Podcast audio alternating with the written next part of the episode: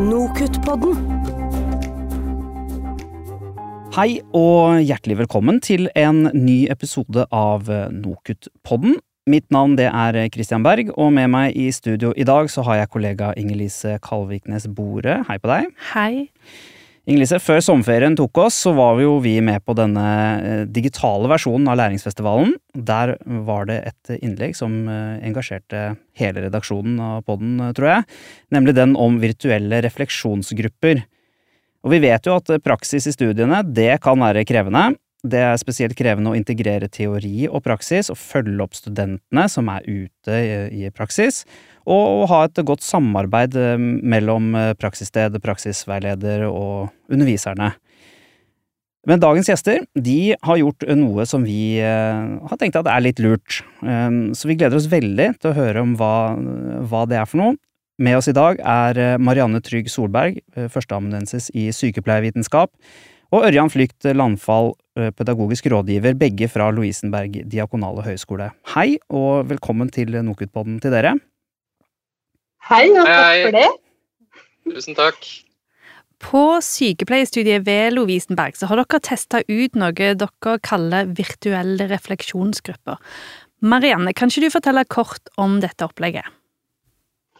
Jo, det kan jeg godt gjøre. Dette prosjektet ble jo da initiert for å videreutvikle refleksjonsgruppemøter og, som en læringsmetode. Da. Og vi brukte virtuelle rom. Hensikten med refleksjonsgruppemøtene er jo at studentene skal diskutere og reflektere over hva de lærer i sin praksis. Og dette undervisningsopplegget er rettet mot studenter som går masterutdanning i avansert klinisk sykepleie. Og Der får de anledning til å reflektere faglig over kliniske situasjoner som de møter underveis i praksis, og så kan de få jobbe med å forstå sammenhengen da, mellom teori og praksis. Um, og den, um, det som er et veldig viktig læringsutbytte, er at de utvikler argumentasjonsevne og mot til å uttrykke sine meninger i et tverrfaglig samarbeid. Så Derfor er det viktig at studentene får øve på å bli ansvarliggjort i en faglig diskusjon, slik at lærerne kan ha en mer tilbaketrukken rolle enn det som vi tradisjonelt har hatt i disse refleksjonsgruppene. Da. Og disse møtene de har vi på 45 minutter eh, ukentlig i Zoom. Og studentene får da tydelige roller og oppgaver innenfor gitte tidsrammer. Altså hver rolle har en kort tid. Og den viktigste rollen i møtet er den rollen vi har kalt ansvarlig student. Hvor én student har ansvar for å forberede en opplevd klinisk problemstilling i praksis, eller fra praksis, og i samarbeid med sin praksisveileder. Så har de da et case som de må anonymisere, og dette publiseres da i læringsplattformen vår Canvas i forkant av møtet. I tillegg så skal de også ha en forskningsartikkel som skal belyse eller gi svar på den problemstillingen de har i caset sitt. Så har vi også gjort det slik at vi har én respondent da, som kritisk skal vurdere denne forskningsartikkelen. Og resten av deltakerne så forventer vi at de skal forberede seg slik at de kan delta aktivt i den faglige diskusjonen. Og selve dette møtet så er det den ansvarlige studentens oppgave å lede. Og det innebærer at de skal presentere en case, de skal presentere problemstilling og forskningsartikkelen, og lede og involvere de andre studentene i diskusjonen. Men eh, noe av det viktigste med dette undervisningsopplegget eller designet da, er at praksisveilederen til den ansvarlige bidrar inn i refusjonsgruppen med sine erfaringer. Og det er noe som har bidratt til økt samarbeid og, og bedre refusjon mellom teori og praksis. Marianne, hvorfor begynte dere da med, med dette opplegget? Var det noen konkrete problemer dere så? Var det noe som dere da måtte løse? Hvorfor valgte dere å gjøre det på denne måten? Ja, nå er jo masterstudiet gått over til dette med avansert klinisk sykepleie. Det er mye mer i fokus. og det, det som er viktig, er at studentene får mer ansvar og får mulighet for å lede faglige diskusjoner og reflektere over teori og praksis. Og Tidligere så hadde vi jo disse møtene fysisk på skolen to ganger i løpet av praksisperioden. Og Da møttes eh, lærer med alle de studentene de hadde i sin praksis. og Da hadde jo ikke praksisveileder mulighet for å delta.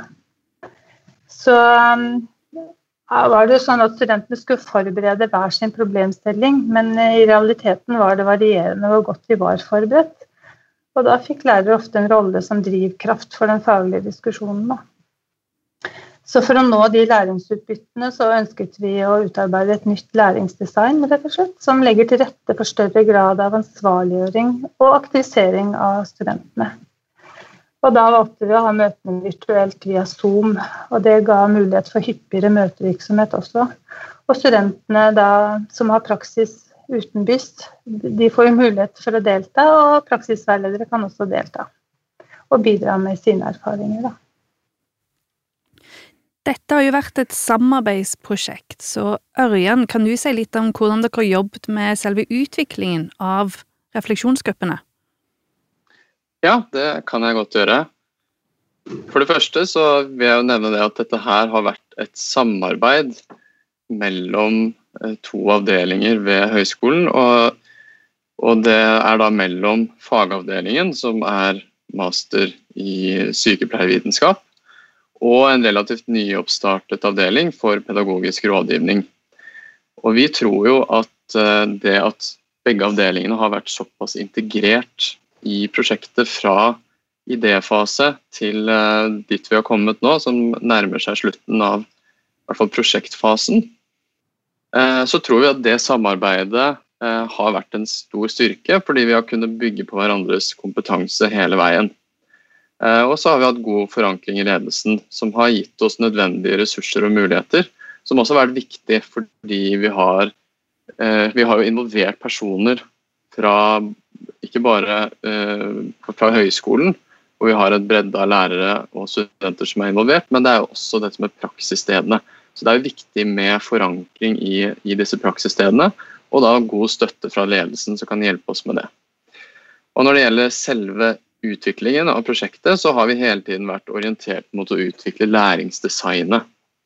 Og da begynte vi med å utforme et uh, utkast til læringsdesignet basert på de utfordringene som Marianne nevnte tidligere. Dette med at uh, studentene ikke ble uh, ansvarliggjort nok, ble kanskje ikke pusha nok til å delta i refleksjonene på lik linje. Så det vi ønsket, var da å, å styrke den delen av læringsdesignet og så har vi da gjennomført eh, pilotdeler av prosjektet gjennom flere runder og systematisk hentet erfaringer fra fokusgruppeintervjuer bl.a. Som har bidratt til at vi gradvis har kunnet operasjonalisere læringsdesignet ytterligere. Um, så nå så er vi i en fase hvor vi merker at vi har fått litt sånn økt interesse fra kollegaer og fra andre studieretninger på høyskolen. Eh, og vi tror at den interessen skyldes eh, til dels at vi har eh, pusha videre hvis vi har møtt litt motstand, og prøvd å pilotere på nytt og ikke latt oss stoppe. Men fokusert på de gode pedagogiske begrunnelsene, kanskje framfor teknologien i seg selv.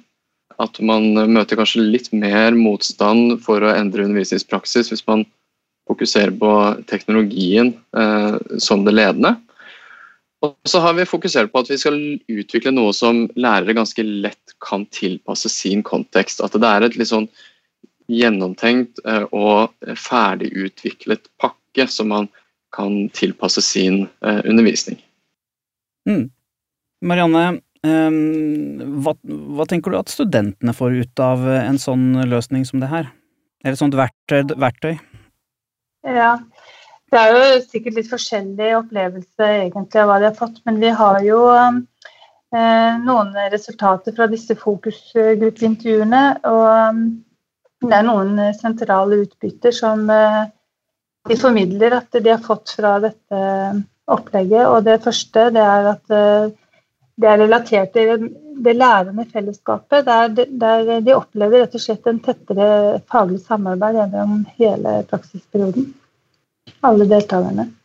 Og For det andre så har studentene fortalt at de opplevde økt faglig læringsutbytte. Det er jo viktig. Og de fikk anledning til å utøve faglig ledelse og lede en diskusjon, noe de ikke har fått mulighet til å øve på tidligere. Og jo som skal ligge i profesjonen til en avansert klinisk sykepleier. Og I tillegg så fant vi at de virtuelle møtene det medførte noen emosjonelle aspekter der flere studenter opplevde usikkerhet og utrygghet da, knyttet til å lede og diskutere virtuelle møter. Så De fortalte jo også det, hvordan de grua seg og ja, syntes det var litt tøft. Men når de først hadde gjort det, så var det veldig stas, egentlig. Og, eh, vi har eh, selvfølgelig fått eh, vi har noen eh, erfaringer og anbefalinger da, som vi har gjort i forhold til dette samarbeidet. Det er en veldig nyttig erfaring å ta med seg videre og ha opplevd det å lede sånne diskusjoner. Mm.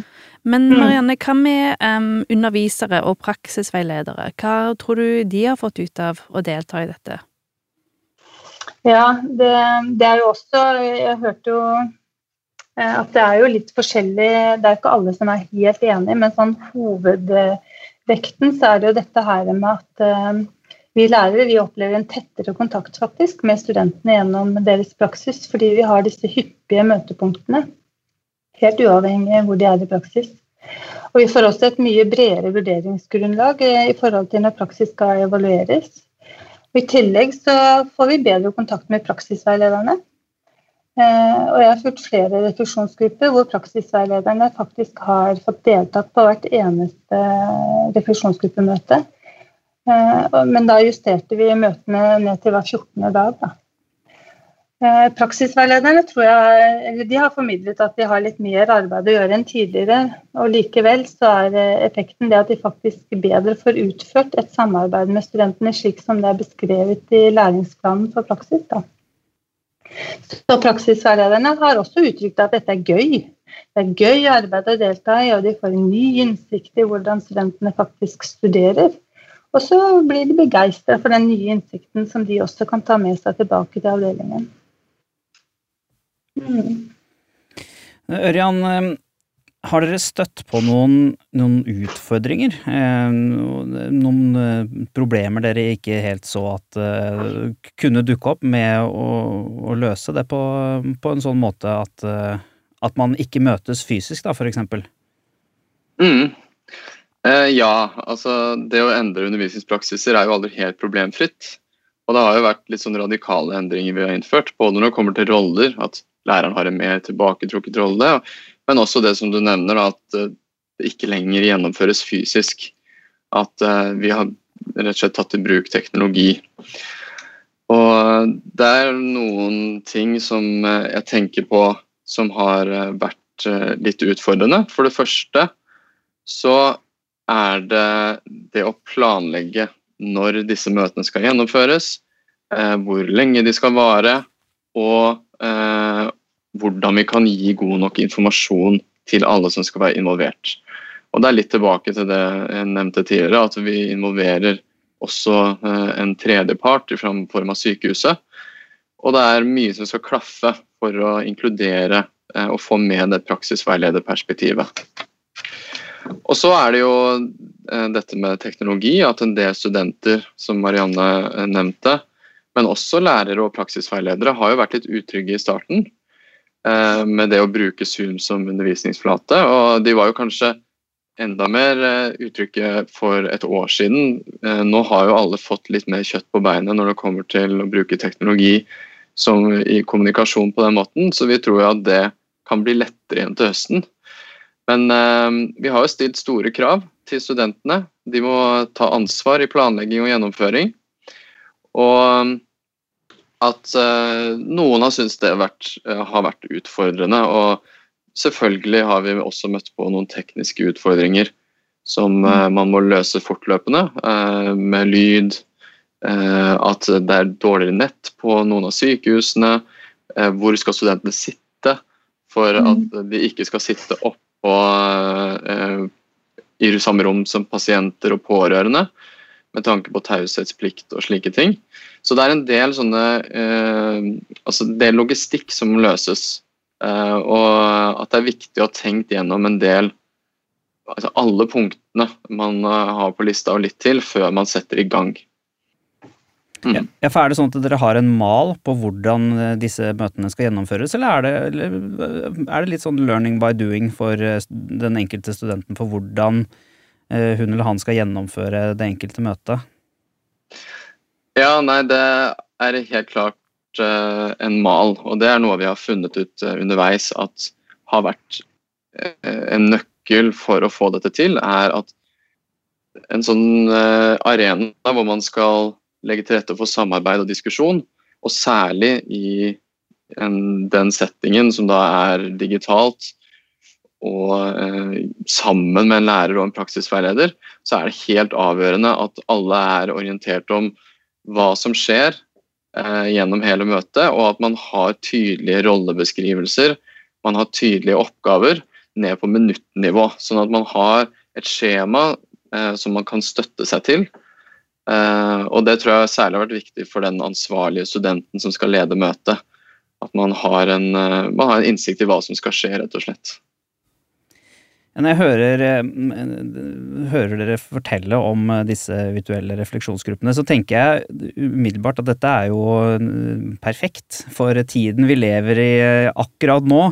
Hvor det er stor usikkerhet rundt koronarestriksjoner, om man kan være, være i nærheten av hverandre og sånne ting. Som pedagogisk rådgiver, Ørjan, tror du disse gruppene kan brukes som et verktøy også av utdanninger som ikke driver med praksis? Ja, det tror jeg i aller høyeste grad. Og her vil jeg kanskje vektlegge det vi har gjort eh, liksom knytta til det læringsdesignet som vi nettopp var inne på, framfor mm. teknologien i seg selv. Altså Teknologien i seg selv har jo bidratt til at vi kan inkludere personer uavhengig av sted. Eh, sånn at vi kan ta med praksisveiledere og vi kan få med studenter som er i praksis med off hyppigere møter, men også studenter som er i praksis utenbys. Eh, men eh, det jeg tenker vi kan, Hvis vi tenker på overføringsverdi, er jo det å fasilitere for samarbeid og diskusjon, som vi har jobbet med nå i to år, digitalt. Og det er egentlig det at det er viktig at man tenker på hvordan man kan sørge for at alle er påskrudd. At alle skal delta aktivt underveis. Og at eh, det forutsetter en veldig tydelig plan, gjerne ned på minuttnivå. Eh, og at alle er innforstått med eh, hvilken rolle de har både for, før, under og etter møtet. Og så forutsetter det at alle forstår hva hensikten med samarbeidslæringen er. Er det oppfattes det som en sånn summativ vurderingssituasjon, så vil man jo kanskje ikke få studentene eh, til å slippe seg like mye løs da, som det vi ønsker, og utfordre eh, seg selv og hverandre i denne faglige diskusjonen, som jo er veldig viktig for eh, læringsutbyttene på, i vårt emne og i veldig mange andre emner eh, på ulike utdanningsløp. Og så er det én siste ting som jeg har lyst til å trekke fram. Eh, og det er at det er viktig å slippe til studentene. Altså Det lærerne har vært veldig flinke til i dette prosjektet, synes jeg, er at de har turt å stå litt i det og la studentene som skal lede diskusjonen, faktisk gjøre det. Uten for mange faglige avbrytelser. fordi da kan det fort virke litt sånn korrigerende, og studentene kanskje mister litt tillit til sitt eget bidrag. Men uh, vi har vært veldig opptatt av at man skal Eh, man skal ta et steg tilbake som en mer fasilitator. Og så kan læreren heller oppsummere og tenke på hvordan læringsperspektivene kan videreføres mot slutten av møtet. Vi har jo fått hørt litt om eh, ting en bør tenke på hvis en skal i gang med dette her. Marianne, har du noen andre tips, kanskje om utførelse, eller om hvordan en får i gang et samarbeid um, for digitale refleksjonsgrupper? Hvis det er noen lyttere nå som tenker dette har jeg lyst til å prøve. Mm. Jeg kan jo oppsummere litt. Det er jo litt sånn som Ørjan sa nå, dette med å ha en tydelig planlegging og struktur. Og vi har jo skrevet um, informasjon rettet mot uh, enhver deltaker, faktisk, som skal være med i virtuelle refleksjonsgrupper. Så det går egen informasjon ut til praksisveileder, til lærer og til student. Og til avdelingen. Og også, vi har også lært at det, det, er veldig viktig å huske på at uh, informasjon skal nå ut til de som jobber på avdelingen. Slik at det ikke er uh, så mye sånn spørsmål knytta til det at nå skal vi ut og ha møte og sånn.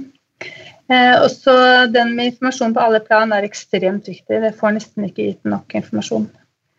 Um, og um, tydelig rollebeskrivelse, det har vi jo sagt litt om med ansvarsområdet i undervisningsopplegget. Og det at lærerne tør å la studentene slippe til, det er veldig viktig.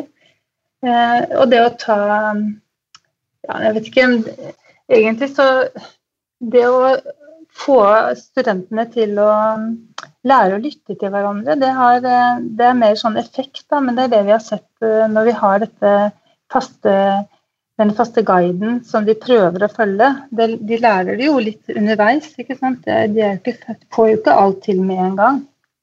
Men eh, de lærer også veldig bra å lytte til hverandre. Det er kanskje bare sånn et pluss. Ja, det er kanskje mm. lettere å få til når de er veldig trygge på hva som skal skje hva tid. Mm. Har dere noen um, ressurser, eller er det noen nettsider vi kan henvise lytterne til hvis det er noe de lurer på og har lyst til å finne ut mer? Mm, det står jo litt om prosjektet på ldh.no.